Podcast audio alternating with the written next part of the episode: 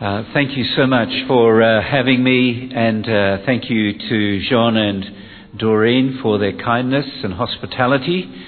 Uh, we've just spent a wonderful weekend uh, looking at the book of Titus. Um, it's been a wonderful men's conference, and before I start, I want to say I bring you greetings from St. John's Church in Vancouver. I wonder if you would turn open to the book of Titus in your Bibles, please. I'm going to speak in English, uh, but I'll have someone read this in Afrikaans. We're going to do Titus chapter 2, verses 11 to 15. So, uh, we have been looking at this book of Titus, and it is an amazingly happy and positive book, which I think is a complete surprise considering the circumstances of the book. The Apostle Paul is writing to one of his workers whose name is Titus. Paul has sent Titus to the island of Crete because the church is in a complete mess in Crete. There are teachers who've come, leaders who've come who are teaching lies and false things. To make matters worse, the culture in the island of Crete is a rough culture, deeply corrupt. It was a pirate culture. One of the guys on the weekend called it a Viking culture. Um, and if you look in chapter 1, in verse 12, the Apostle Paul says, One of the Cretans, a prophet of their own, said, Cretans are always liars, evil beasts, and lazy gluttons. Isn't that great? So, Lord, send me to that culture as a missionary. evil beasts, liars, and lazy gluttons. So the church in Crete were new believers who had been hooligans and were trying to live out their faith in a hooligan, rough culture of Crete. And now they had false teachers. Yet somehow the apostle is absolutely confident that these new believers can be so transformed that they will be zealous for good works. About six times in the book, the Apostle Paul says, uh, these new believers will be devoted to good works, ready for good works, keen, eager, zealous for good works. And the apostle gives us a picture of what that looks like. If you look in chapter 2, verses 1 to 10. So older, older men and older women in the congregation, verses 2, 3, and 4. They're not meant to just retire and be put out to pasture, to live for themselves. They're meant to serve others and continue to offer and grow in godliness and give their wisdom to the church.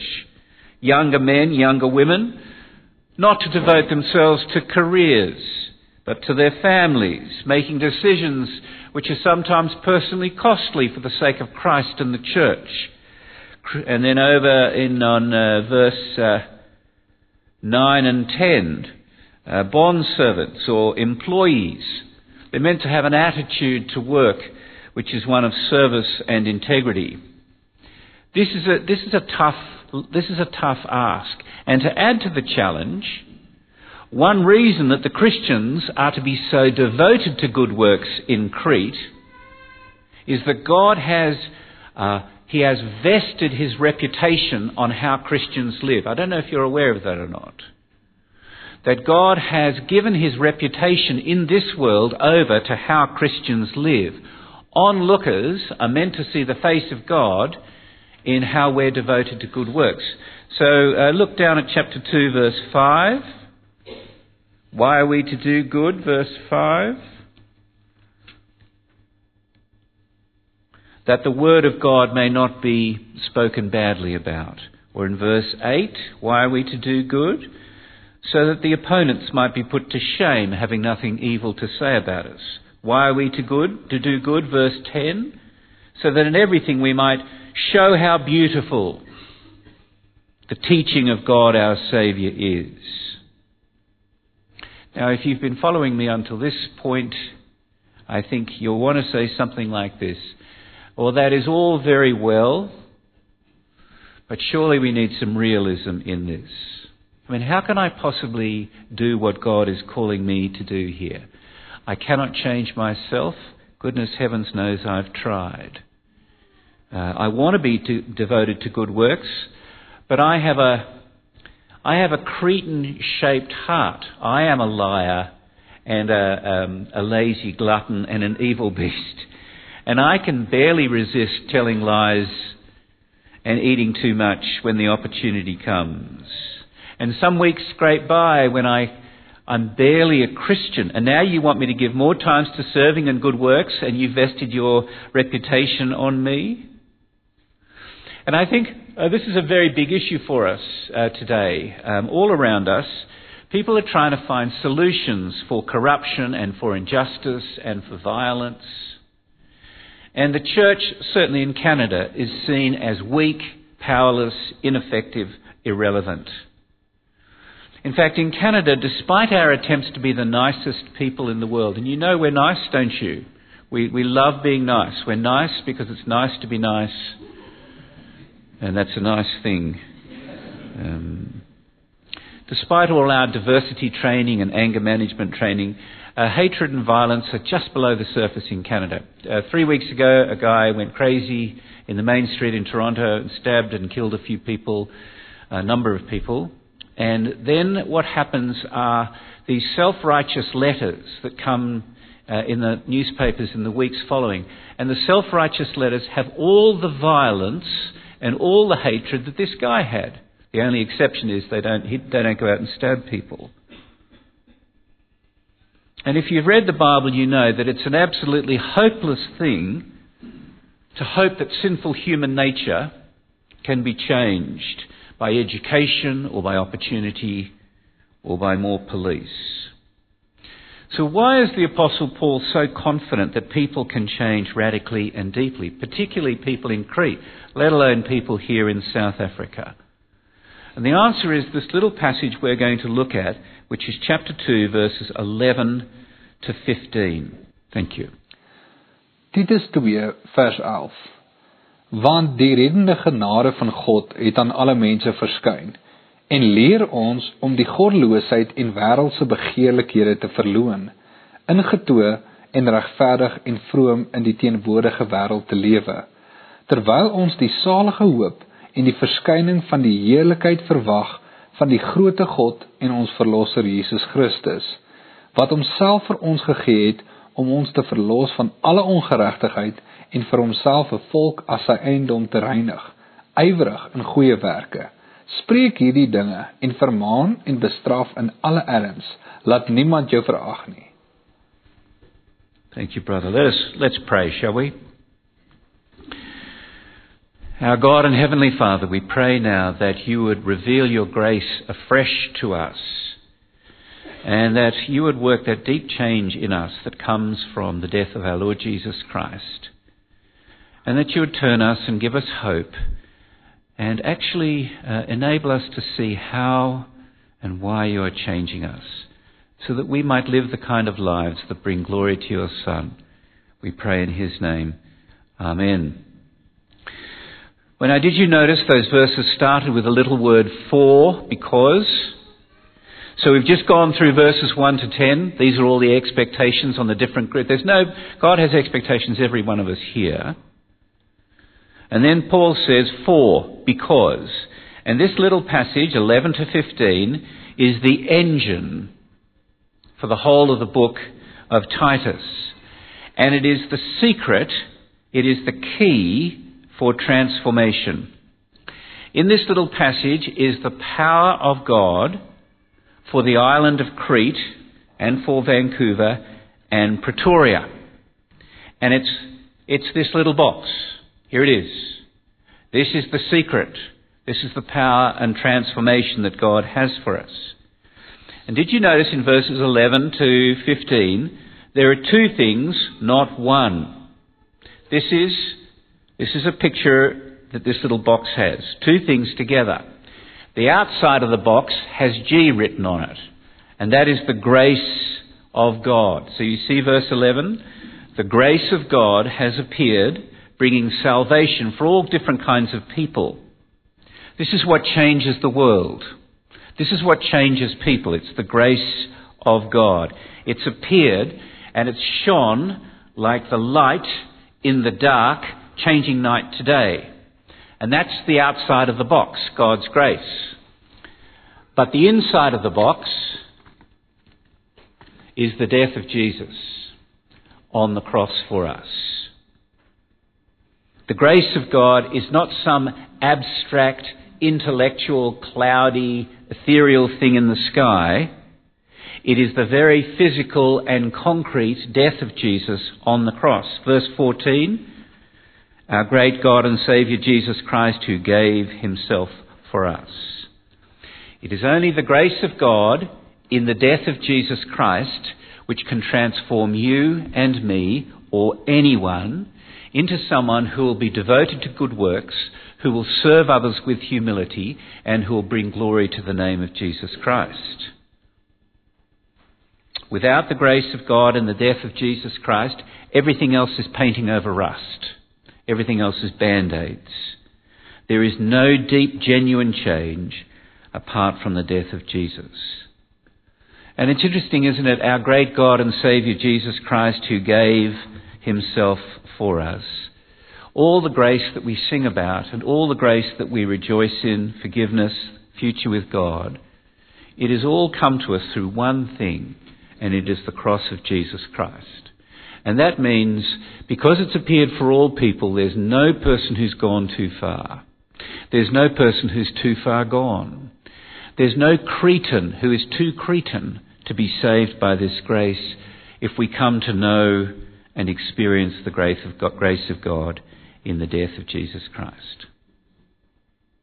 One of the amazing things in these words is the Apostle Paul is focusing on the now, on how this changes our behaviour now. And so I just want to spend two points looking at what the change is and how it happens. And I've been told that the uh, sermons usually go for three hours. Is that right? So we just spend an hour and a half on the first point, what the change is, and then how it happens. So, what is the change? Firstly, verses 11 and onwards, the grace of God has appeared, bringing salvation for all people, training us. So, uh, just think about this for a moment. Um, the death of Jesus reverses the usual order of things. So the usual order of things, we, we, we're born, uh, we grow, we decay, we die, we face judgment before God. But the grace of God has come doing something different. It changes that order. We are born, we grow, then we are reborn. We're given a new life. We're given a new nature. We still physically decay and die, but then we are received into the presence of God, as we just sang, in a new heaven and a new earth when our Saviour Jesus Christ appears. Paul says God has done something for all kinds of people, for old men, for young men, for old women, for young women, for workers, for those who are out of work. And it's grace. It hasn't appeared for the lucky or the enlightened or the good or the religious or for those who deserve it. It's for those who don't deserve it. And this has vast un- universal significance. It's for all people. The grace of God, you mustn't keep it for yourselves.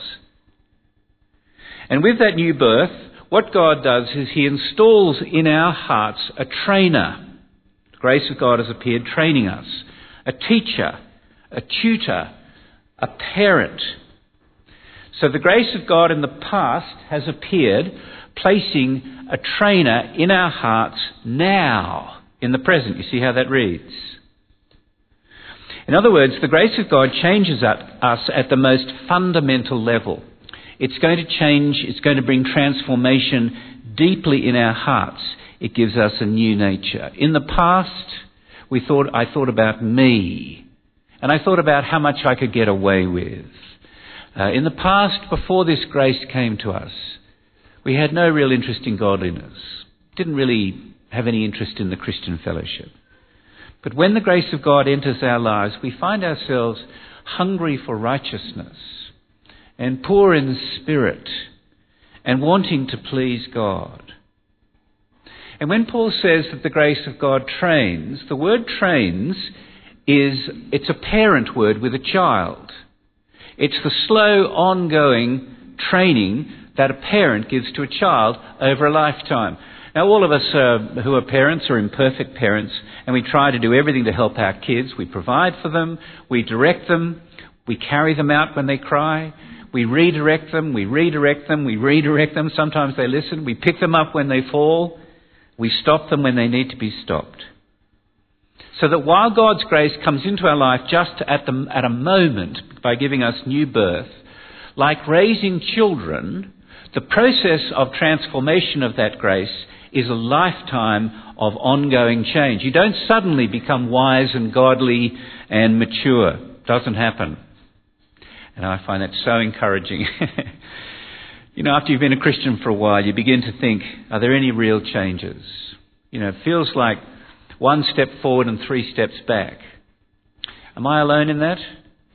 I hope not. And I think it's very hard to see the changes in ourselves but you know who does see the changes? It's the people we're in fellowship with.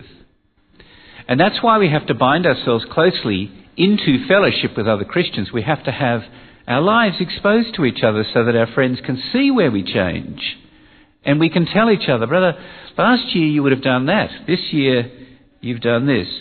Because I grew up, um, I did my teen years in Australia, I have a number of friends who felt it was their ministry to rebuke me it was a wonderful ministry, really. But um, what happened was that when when there were changes, they would tell me. They would always tell me negatively. Like they would say, oh, I used to do this and you stopped doing that. That's a very good thing. But I found it very encouraging, which just shows you my own perversity. So the grace of God makes us immediately secure, but slowly mature. And the process of training and parenting has both a negative and a positive side. You see down in verse 11, sorry, verse 12, training us negatively to renounce ungodliness and worldly passions, and positively to live self controlled, upright, and godly lives in this present age. We renounce ungodliness. This is a wonderful word. Um, godly I thought I was going to have an interruption then. Um, this is terrific, by the way. I'm, we ought to do more of this at St. John's, I think. Um, this word ungodliness, the godly is uh, from the root to wonder, it's reverence, it's awe. It's the attitude of heart that people have in the Bible when God actually appears. It's a whole of life lived with a sense of the majesty and presence of God. It's feeling the weightiness of the goodness and glory of God. Ungodliness is just the opposite. It's living life and making decisions without really thinking about God very much at all. It's having a heart that doesn't fear the Lord. It's life oriented to what you love, and God's not really a significant part of it. It's much deeper than morals. It's much deeper than virtues. It's the whole cast of life lived in front of God. And it's the similar with worldly passions. Nothing wrong with passions on their own, but when they control you and tie you to this world, you know, whether it's through materialism or consumerism or individualism or pragmatism or any other ism, in the end you end up worshipping yourself. And the grace of God trains us to renounce these things, to say no to these things. And it trains us to say yes to other things. Self control. God's grace doesn't just prepare us for the life to come, it works on us now. It works on our attitudes to ourselves, self control, thinking before we acting, being thoughtful, guarding our hearts, being upright. That's my attitude to other people, doing what's right for others, what will serve them. And then godliness, living in a Godward direction. And the training that God's grace gives us in the heart has a push and a pull. The push is the grace of God that's appeared in the past. The pull is the coming of the Lord Jesus in the future. So, verse 13, we await the appearing, the blessed hope and appearing of our great God and Saviour, Jesus Christ. So that even as we are being changed by the grace of God, we have a growing longing to see the face of Jesus Christ. Do you know, sometimes uh, in Canada, I hear believers talk about the afterlife as though it's a great big happy family reunion. You know, Uncle Bob will be there and we'll play endless rounds of golf, as though Jesus is completely uh, not part of their hope, kind of Disneyland on steroids. But what we wait for is we wait for the person of Jesus Christ. Our Christian hope is not primarily based on how good it will be for me, even though it will be, nor just the relief of being free from the temptation from sin, although that also will be true, nor the great reunion with those who've died, though that will be amazing. But the heart of our longing is focused on the coming of the person, Jesus Christ, our great God and Saviour. And when he comes again, he will appear in the full glory of God. And that's the blessedness that we wait for. And the grace of God trains us not just to say no and yes to things in this life, but gradually to think on and to long for and to wait for and to have our hearts leaning forward to the coming of this Lord Jesus Christ. And that's hard, I think, because we want to have, you know, we, if, if our two feet are just anchored in this world and we're not thinking about the future world, that's not the sign of grace.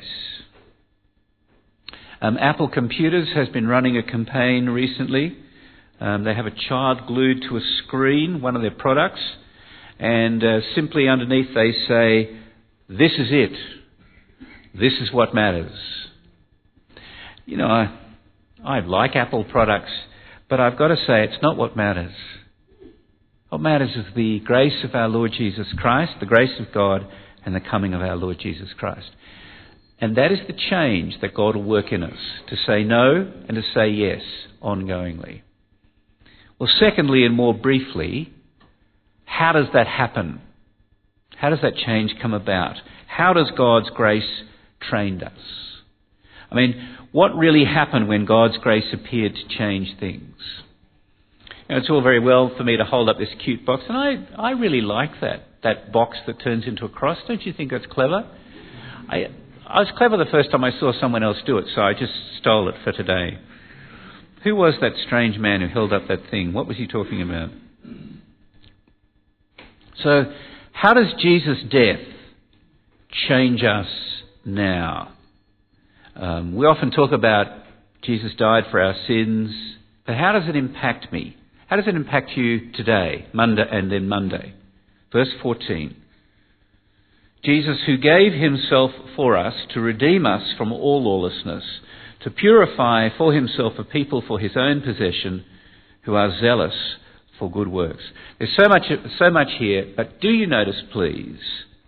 The key thing is how deeply personal this is for Jesus and how deeply personal it is for us. Just look at the words again. He gave himself emphasis for us, to redeem us, to purify for himself a people for his own possession. There's nothing impersonal about grace. God doesn't just give grace like a big spray over his people. No, no. His death is a conscious giving of himself deliberately for individuals. Not a philosophy, not an idea. And he gave himself to bring us into this relationship with him. And it was supremely and infinitely costly for him. And he did it because he treasures us and he wants us to become his treasure. That little phrase, his own possession, uh, is it comes from an Old Testament term which means the most precious treasure that anyone could have. So when Jesus goes to the cross, he binds himself to us for all eternity, and he binds us to him as his own possession so that he can be our God and we will be his people. I have a friend who became a Christian at the end of grade 12. He was a rugby champion and he had lived a very outrageous life until that stage. And he found it very difficult to resist temptation when he went out to work. And so what he started to do is he wrote on his hand here every morning H, just one little word, H I S, his. And for about a year, as he went to work and as he lived his day, it was an ongoing reminder that he belonged to Jesus Christ, that his very identity had, had been changed. And Paul says we've been redeemed. Big Bible word. We were slaves, but now we've been bought with a price. We belong to someone. The great event in the Old Testament is where God redeemed slaves from Egypt. And Israel were completely powerless and completely undeserving, but by his power and his outstretched arm, God redeemed his people for himself. And apart from Christ, we are powerless and we are slaves to lawlessness. Not the law of the land, but to the law of God. The thing about this is, uh, we, we, we so quickly deceive ourselves about this. Our slavery is the most deceptive kind because we give ourselves over to, to the dictates of our hearts. And we find that we have no one higher than ourselves to whom we are accountable, and we try and make our own identities. Now, this is one of the great ironies of our age. That personal choice has become one of our highest values. Choice in shopping, choice in fashion, choice in clothing, choice in lifestyle. And I build my identity around my choices. I build my identity remotely, online. I put photos of myself and my choices out there. We are like children born and raised in a shopping mall, completely unaware that there's a great big world out there. And Christ comes in and he plucks us out and he gives us a completely new identity. He says, You're not going to be slaves to your choices anymore. You are redeemed to serve me.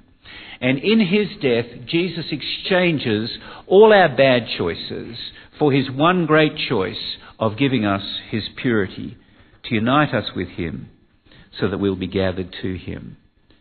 And he loves to say, Behold, behold my brother and brothers and sisters that you've given me, O Father. And the mark that you have this identity is an ongoing and quiet zeal for good works. And that's it. That's the transformation. That's how it works. I have two sons. Bron and I have two boys. And they're very precious to us. And I can't imagine anything that I would give the lives of those boys for.